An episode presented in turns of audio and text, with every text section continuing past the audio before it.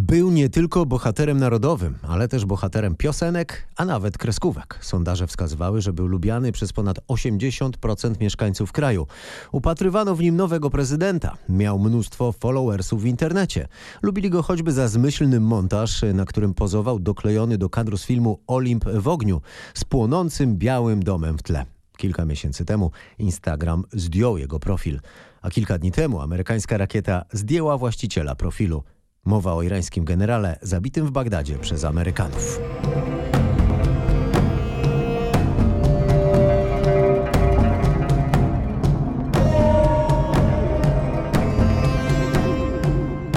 To podcast Wielkie Pieniądze, Wielki Świat w dzisiejszym czternastym już odcinku zatytułowanym Iran, Irak i złoto za złote. O tym, co się dzieje na Bliskim Wschodzie i o tym, w co warto zainwestować w czasie, gdy prezydenci Stanów Zjednoczonych i Iranu informują się nawzajem o liczbie celów do zniszczenia na początek. A w internecie popularność zyskuje hasło Trzecia Wojna Światowa. Nazywam się Michał Zieliński, zapraszam i zachęcam do subskrybowania.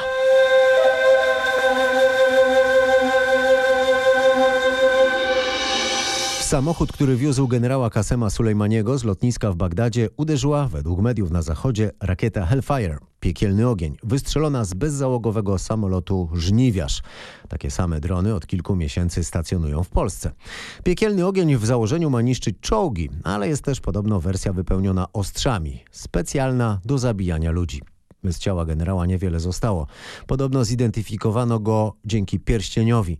Według amerykańskich władz to była profilaktyczna likwidacja a według władz Iranu to był akt państwowego terroryzmu.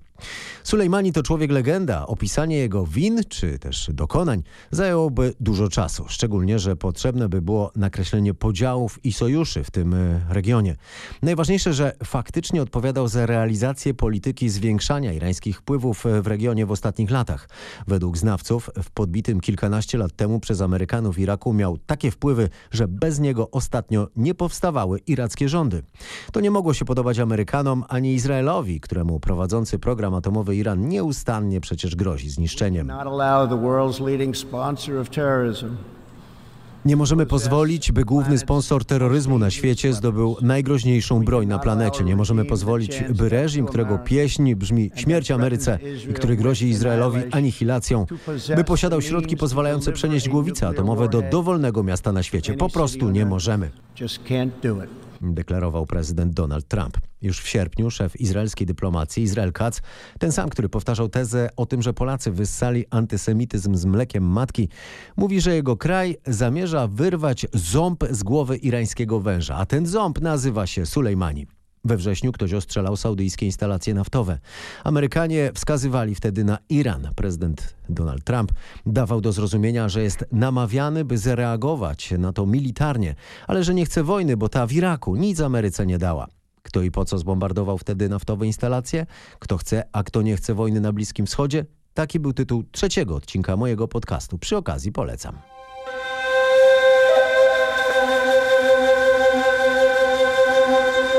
A teraz przenosimy się do ostatnich dni. 27 grudnia ktoś ostrzelał rakietami bazę lotniczą na północy Iraku. Ta baza widziała już wiele bombardowania, rabunki i atak całego tłumu zamachowców samobójców z bombami.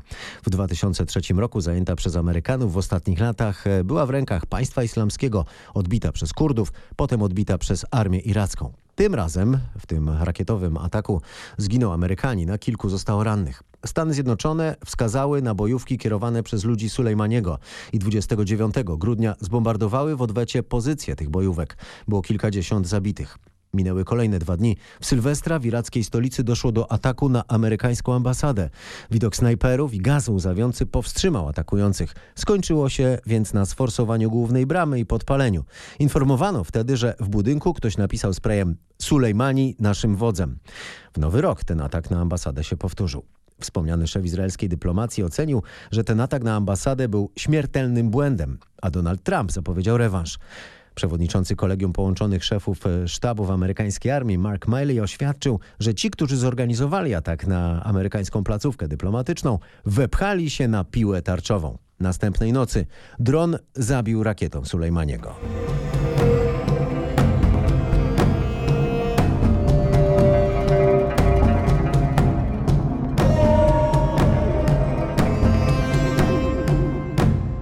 Dlaczego Donald Trump zmienił zdanie? Dlaczego zdecydował się na krok, który może prowadzić do wojny na Bliskim Wschodzie?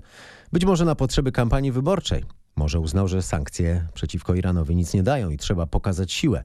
A może zmieniło się coś innego, o czym nie wiemy. Co będzie dalej? Irańskie władze zapowiadają teraz odwet. Posłuchajcie przewodniczącego parlamentu w Teheranie, Ali Larijaniego. To okrutne posunięcie amerykańskiego prezydenta to nic innego jak wojskowy akt terroryzmu. Niech teraz wie, że ta awantura przyniesie dla niego bolesne konsekwencje. Amerykanie niech się lepiej pakują i uciekają z naszego regionu, zanim coś się im stanie.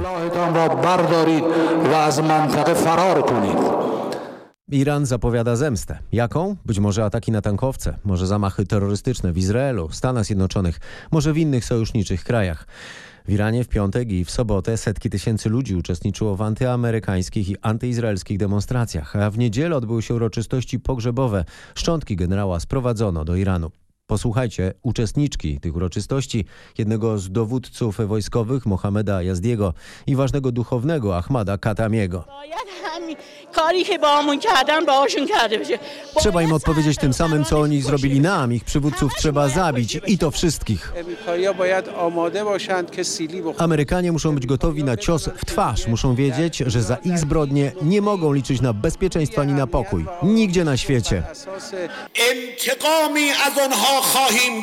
Zemścimy się tak, że ich dzień zamieni się w czarną noc. Mówię wam, obiecuję. Nie zaznają nigdzie spokoju. Przyszedł czas, by z Bożą pomocą oszczyścić naszą część świata z tych przebiegłych kanali. Co zrobią polskie władze? Zobaczymy. Tradycyjnie dobrze postrzegana w Iranie Polska była tam krytykowana za zorganizowanie w zeszłym roku antyirańskiej konferencji. W tle tego całego konfliktu są historyczne interesy i globalna walka o dominację. We wspomnianym trzecim odcinku mojego podcastu przemawiał prezydent Iranu Hassan Rouhani. Mówił wtedy, że oto zaczyna się walka przeciwko dominacji dolara, która powinna doprowadzić do zmniejszenia władzy Ameryki na rynkach finansowych i w światowym systemie bankowym. Na razie dolar się trzyma. Jak zwykle w takich przypadkach e, niepewności i zagrożenia wielki kapitał szuka tzw. Tak bezpiecznych przystani. Po ataku w Bagdadzie drożał japoński jen i frank szwajcarski, w ceny rosły niemieckie, amerykańskie obligacje, zdrożała rzecz jasna ropa, ale przede wszystkim drożało złoto.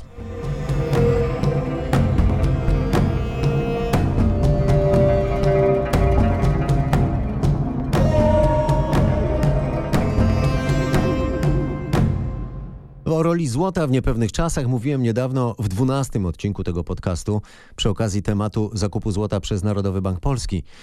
Mówiłem o tym, że dolarów na świecie jest coraz więcej, a złota od wieków uważanego za bezpieczną lokatę przybywa niewiele. Prezesa firmy Golden Mark, która handluje złotem w Polsce, Michała Teklińskiego, zapytałem zatem, o ile w dniu ataku na irańskiego generała zdrożała uncja złota.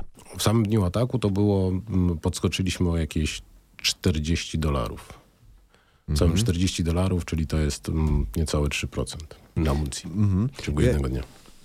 W takich sytuacjach e, ten wielki międzynarodowy kapitał ucieka do tak zwanych e, bezpiecznych przystani. W poprzednich latach bywało tak, że często raczej był to dolar czy frank szwajcarski, nie tylko złoto. Teraz jakby złoto zdecydowanie się wybija na czoło instrumentów inwestycyjnych, które są postrzegane jako najbardziej bezpieczne. Dlaczego tak pana zdaniem jest? No, w sytuacjach, gdy mamy do czynienia z dużą niewiadomą, to złoto wtedy, e, wtedy zyskuje zdecydowanie bardziej. Bo w sytuacjach, gdy mamy e, troszkę więcej znamy kart, to wtedy, wtedy rzeczywiście dolar bądź jakieś inne aktywa stanowią, e, stanowią alternatywę. Natomiast tutaj, gdy mamy tyle, tyle niewiadomych, bo nie wiedzieliśmy przecież jak zareaguje, jak zareaguje Iran, jak, jak w ogóle wydarzenia się szybko potoczą, w związku z tym wtedy, w takich sytuacjach błyskawicznie wzrasta zainteresowanie złotem i ucieczka do bezpiecznej przystani, jak pan wcześniej powiedział, jest całkowicie naturalna, bym powiedział. Wtedy, wtedy rzeczywiście wszyscy szukają tego bezpiecznego przystanku, tam żeby ulokować trochę aktywów, w razie czego. I co Pana zdaniem będzie dalej? Bo no, możemy się spodziewać, że to, co się teraz e, dzieje dzisiaj, jutro, być może pojutrze, to będzie cisza przed burzą. Co by się stało w razie wojny? Czy są takie no, przykłady z przeszłości, które pozwalają nam e, przypuszczać, co się stanie? No nie mówię oczywiście o jakiejś globalnej atomowej wojnie, bo to wiadomo, że w cenie wtedy będą raczej takie srebrne puszki z jedzeniem, a nie, nie złoto, tak? Ale mówię o poważnym międzynarodowym konflikcie. Dajmy na to o wojnie na Bliskim Wschodzie z udziałem Stanów, Izraela i pewnie części sojuszników po jednej stronie, a Iranu y, po drugiej, wspieranego pewnie mniej lub bardziej oficjalnie przez Rosję czy Chiny. Wyobraźmy sobie taką sytuację na chwilę. Mm, Gdzie tutaj jest granica? Pewnie są y, eksperci jakoś w tym międzynarodowi, mówią o tym, jakiej można by tutaj się w takiej sytuacji ekstremalnej spodziewać granicy cenowej. No tutaj mm, w sytuacji, gdy, gdy mm, ta eskalacja będzie, na, będzie narastać, raczej w najbliższych dniach spodziewam się zupełnie takiego uspokojenia sytuacji, natomiast potem, gdy się będzie coś już działo, będzie się coś rozwijać, spodziewam się takiego już może nie radykalnie szybkiego, ale, ale wzrostu tej, tej ceny. No, według prognoz są prognozy, które mówią o tym, że złoto e, w tym roku może sięgnąć nawet, mm, znaczy to jest pewnie jakaś, nie jakaś radykalnie wysoka, 1700 dolarów. To jest, to jest już wysoko. Ale to są pewnie prognozy jeszcze sprzed tych y, wydarzeń, Tak, sprzed to, tego to sprzed zaostrzenia. świąt. No właśnie. to sprzed świąt. Chociaż no, są też takie, które, które no, mówią o 4000 dolarów, że to ten, ale to już powiedziałbym jest raczej fantasmagoria. To się tak szybko nie wydarzy. No, A chyba, mówi się też o tym, że może nastąpić załamanie na, na ceny złota? Nie. To, to tutaj raczej, znaczy załamanie, może jakaś korekta delikatna, ale to raczej na tym poziomie tutaj e, w okolicach 1500 dolarów, to, to tutaj raczej będziemy, wszystko wskazuje na to, tych niewiadomych na świecie, bo to nie tylko w końcu Irak i Iran, e, ale jeszcze parę innych wydarzeń w tym roku nas czeka, wybory w Stanach Zjednoczonych chociaż, chociażby, pokazują, że to, to wszystko, że ta, cena powinna się oscylować, jeśli nic się nie będzie działo, powiedzmy, że ona się ustabilizuje, to ona powinna oscylować w w, tak naturalnie sobie w okolicach tej kwoty, którą, którą mamy dzisiaj. Tak się dzieje w sytuacji, gdzie mamy stabilność. Tak? Natomiast nic nie wskazuje na to, żeby radykalnie sytuacja się miała zmienić na świecie, na tyle, żeby rzeczywiście tutaj ta korekta była jakaś bardzo głęboka. Tu Na ile pana zdaniem można też traktować e, złoto jako e, taką, nazwijmy to, bezpieczną skarbonkę e, ze względu nie tyle na e, niepewność e, panującą na świecie, ile na takie proste, stałe zjawisko utraty wartości pieniądza. Ja sobie tu przed momentem dosłownie, to nie wymagało wielkiego wysiłku, porównałem y, ceny y, z roku 70 1970 i obecne, no z powodu jakby naszego niefortunnego położenia naszego kraju i naszych losów bardzo burzliwych, e, trudno jest to zrobić dla złotego, natomiast e, zrobiłem to dla dolara i e, według oficjalnych danych dotyczących sumowanej i skumulowanej inflacji z, z tego okresu, to ówczesny, czyli po, y, używany w 70 roku dolar, dziś odpowiada, jest wart 7 dolarów. Tymczasem y, średnia cena domu w Stanach Zjednoczonych w 70 roku wynosiła 25 tysięcy dolarów, dziś ponad 250, więc mamy tu ponad dziesięciokrotny y, wzrost. Natomiast złoto zdrożało z 35 dolarów w roku 70 do 1500 dziś, czyli ponad 40 razy. Jakby pan skomentował tę różnicę? No, ja zawsze powtarzam, że złoto to jest takie aktywo, które lubi cierpliwość. Jeśli ktoś rzeczywiście jest cierpliwy i, i chciałby odłożyć pieniądze, to, to złoto jest do tego jak bardzo dobrym instrumentem, ponieważ na złocie, jeśli ktoś chce zarobić szybko, to może się bardzo przejechać. Natomiast jeśli chce ją traktować nie jako inwestycję, tylko jako lokatę kapitału, to w, w zdecydowanej większości wypadków tak, to wyjdzie na tym bardzo dobrze. To jest, to, to zresztą te dane, które pan pokazuje, które pan przytoczył, to świetnie o tym świadczą. To, to nawet nie trzeba tak bardzo daleko wybiegać do 1970 roku. No, wystarczy się cofnąć o 20 lat do 2000, do 2000 roku, gdy cena wtedy mm, za uncję oscylowała w okolicach 300 dolarów. No to mamy też wzrost kilkukrotny wartości. No tak, ale z drugiej strony ostatnich e, 10 lat, nieco ponad 10, no gdyby takie porównanie zrobić, to tutaj nie mamy jakiegoś e, szalonego wzrostu, prawda? Bo w okresie e, Oczywiście. tego e, kryzysu e, złoto bardzo było w cenie, no a dopiero teraz jakby dochodzi do tamtego poziomu. Tak, tak, tak. To, to tutaj, znaczy, to, dlatego, dlatego mówię, bardzo krótki czas um, na takie lokaty w złoto może się okazać um, nie najlepszym pomysłem. Natomiast jeśli bierzemy, jeśli patrzymy na złoto w dłuższej perspektywie, no to albo jesteśmy cierpliwi na to, żeby przeczekać takie burzliwe okresy, jak na przykład ten 2011, najwyższa cena w historii, a potem raptowny spadek w 2012-2013 do poziomów dużo, dużo niższych, bo to jest z 1900 dolarów do 1000 nawet poniżej 1100 dolarów, no to wtedy rzeczywiście, e, wtedy rzeczywiście można się trochę zacząć martwić. Natomiast jeśli tylko byśmy popatrzyli na tą skalę, czyli rozszerzyli ją nie o 10 lat, tylko zrobili 15, to już mamy, e, mamy wzrost. I to jest jakby w tej horyzoncie zdecydowanie dłuższym. Złoto zyskuje. Oczywiście można trafić na takie momenty, w których się szybciej na tym złocie można zarobić i wtedy można sobie rzeczywiście zobaczyć tą, tą, tą No oczywiście, że to zależy od okresu, który tego do porównania, który wybierzemy. No ale proszę powiedzieć, y, czy taka lokata w złoto nie jest jednak stosunkowo mało atrakcyjna w porównaniu z tym, jak rośnie wartość y, innych alternatywnych y, inwestycji, choćby no, nie, wiem, w ziemię czy w mieszkania? Jak się porówna ceny mieszkań, to również nie, nie, nie ma takich wysokich wzrostów. Oczywiście my jesteśmy krajem cały czas jednak na dorobku. My, my kończymy. Tutaj, jeśli chodzi o złoto, złoto w Polsce to jest rynek stosunkowo nowy. On ma mniej więcej około 10 lat. Tak naprawdę mówię o złocie dla klientów indywidualnych, mm, bo dopiero mniej więcej około 10 lat temu pojawili się gracze na rynku polskim, którzy oferowali złoto w przystępnych cenach, takich blisko, blisko ceny giełdowej. Ale to mówimy o złocie fizycznym, tak? Takim, Mówię które możemy fizycznym. wziąć w ręce, nie, nie, Tak, nie tak, tak, jakiś tak, tak. mhm, udział. Mhm. No, mówię o złocie, bo, bo tak, rzeczywiście no, tego pewnie warto też mm, powiedzieć dwa zdania. No, złoto, w złoto można inwestować fizycznie, kupując e, fizyczne produkty w postaci sztabek i monet, a można również e, grać na, e, grać na giełdach, kupować tak zwane papierowe złoto, to znaczy opcje wykupu złoty, złotych w różnego rodzaju funduszach.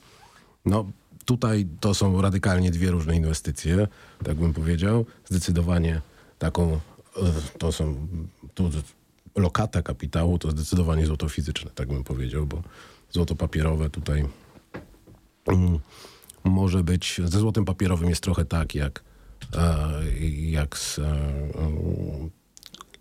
jak z kredytami bankowymi, to znaczy tych, tego złota papierowego jest zdecydowanie więcej niż fizycznego. Z tym się wiąże pewien kłopot, prawda? Bo jak się, jak się takie złoto fizyczne przechowuje? Zakopuje się go w ogródku?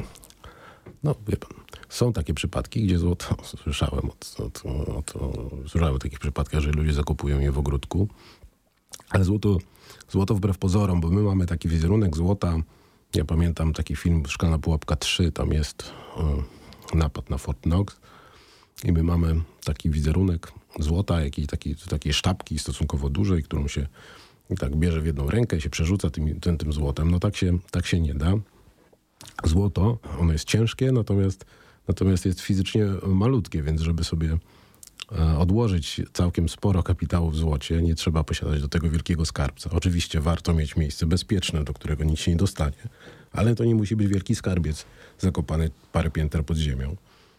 Można je przechowywać oczywiście, oczywiście gdzieś, gdzieś w warunkach domowych. Można je również y, próbować deponować. Niestety banki wycofują się w tej chwili ze skrytek bankowych, chociaż skrytki bankowe dla złota są takim mm, może nie, nie najlepszym pomysłem, ponieważ y, skrytki bankowe nie są objęte gwarancjami bankowymi. To jest taka ciekawostka, o której nie wszyscy wiedzą, bo niektórzy tam, tam próbują ulokować, chociaż jest to pewnie też jakaś forma bezpieczna, bo jednak jest to bank. Dobrze, to jak już przeszliśmy tak na, e, na polski grunt i, i na takie konkretne e, rady, bo może ktoś się zainteresował e, kupnem złota przy okazji, to proszę powiedzieć, jak to później sprzedać. Nie- ma problemu. To, to rzeczywiście w Polsce jest już paru dealerów, do których można pójść i sprzedać od ręki dane złoto. To złoto jest wyceniane blisko giełdy, w związku z tym ten spread na złocie nie jest, nie jest duży, więc e, tutaj ze sprzedażą złota paradoksalnie w Polsce, ani wydaje mi się tym bardziej nigdzie za granicą, nie ma większego problemu. W Polsce są wyspecjalizowane sklepy, które się tym zajmują. Można przyjść, e, sprzedać. Oczywiście to będzie, złoto będzie weryfikowane, sztabki i tak dalej, ale większość z tych sklepów posiada odpowiedni sprzęt, odpowiedni sprzęt i pracownicy odpowiednie umiejętności do tego, żeby zweryfikować i od ręki. Czyli rozumiem, że jak się kupuje, to ci pracownicy też y, po, pokazują, udowadniają, że to złoto jest. Tak, tak, tak, tak, tak, tak, tak. Oczywiście nie ma, no, znaczy to zależy od, oczywiście od tego, w jakiego rodzaju produkt mm, się, się, się kupuje. Natomiast, bo sztabki na przykład zazwyczaj są e, pakowane przez producenta, one mają swój certyfikat, jedno, swój numer. U części producentów można ten numer zweryfikować sobie na stronie internetowej. czy dany producent produkował rzeczywiście taką sztabkę. Oczywiście można ją również zweryfikować na miejscu, żeby sprawdzić, jeśli ktoś chce mieć poczucie, to, e, że, że rzeczywiście wychodzi z prawdziwym produktem, no to to też nie stanowi żadnego, żadnego kłopotu. W przypadku monet jest trochę inaczej, one nie są pakowane, ale również weryfikacja na miejscu następuje, jeśli klient sobie tego życzy. Struktura popytu jest jaka? To znaczy, y, ile się sprzedaje takim grubym rybom, a ile y, ciułaczom, o ile w ogóle ciułacze stanowią jakiś tam Nie, to, to znaczący... paradoksalnie jest tak, oczywiście ten rynek jest podzielony, on jest podzielony powiedziałbym na tych gru, te, te grube ryby, ale oni stanowią jakieś, e, mm, oni, nie ma ich wielu, tak, natomiast i oni pewnie stanowią jakieś 30-40% tych zakupów, natomiast cała reszta jest już e, e, również wśród, wśród klientów, którzy się dopiero złotem zaczęli interesować i oni zaczynają zakupy od bardzo prostych, małych sztabek typu 1, 2, 5 gramów, często na prezenty, bo to też jest rosnący rynek. Małe sztabki na prezenty lub monety. To też, to też jest rynek, który w ostatnich latach zaczął rosnąć. Są jeszcze oczywiście wyspecjalizowani, bym powiedział, tacy bardzo mocno wkręceni e, w złoto, w kupowanie złota i oni wyszukują różnego rodzaju okazje, natomiast ich jest, to, to już są promile przewagą i główną zaletą złota inwestycyjnego jest właśnie jego fizyczność. To, że to złoto zawsze można ze sobą wziąć, można je przewieźć przez granicę, można je mieć zawsze przy sobie, nie trzeba nigdzie zostawiać. Nie jesteśmy wtedy na łasce żadnych, żadnych systemów komputerowych bądź jakiegoś podłączenia do sieci. Oprócz tego e, możemy je mieć zawsze przy sobie. To jest, to jest ta wartość, którą, e, bo możemy je również kupić de facto bez... Mm, bez śladu. To znaczy nie, nie trzeba, każda, każdy zakup złota nie musi być rejestrowany, jeśli jest odpowiednio, odpowiednio nieduży. Wiadomo, że większe transakcje zawsze trzeba raportować. Natomiast tutaj możemy sobie kolekcjonować złoto, czy, czy lokować złoto w małych kawałkach. I to złoto zawsze będzie przy nas, tak na dobrą sprawę. Nigdzie nie będzie odnotowane. Potem również złoto jest zwolnione od podatku dochodowego, jeśli się je sprzedaje po, po upływie pół roku od, Mm, od, od zakupu. W związku z tym to też jest przewaga, bo tutaj nie mamy żadnego podatku belki ani niczego takiego. Nie ma żadnego problemu z tym, żeby te pieniądze upłynnić i jeszcze na nich dodatkowo nie stracić w postaci Mhm, czyli no, się, trzy, zapłaty jak się co najmniej pół roku trzyma, rozumiem, to później nie trzeba deklarować takiego wzrostu Tak, wartości. Tak, Mhm. tak, tak, tak, tak. Mój gość dodaje, że rynek złota w Polsce w ciągu ostatnich 10 lat urósł ponad dziesięciokrotnie. Obecnie rocznie sprzedaje się indywidualnym inwestorom, małym, średnim i dużym ponad 5 ton żółtego metalu. I w ten sposób amerykańska dominacja i irańskie ambicje wiążą się ze stanem oszczędności ludzi kupujących nad Wisłą choćby kilka gramów złotego kruszcu.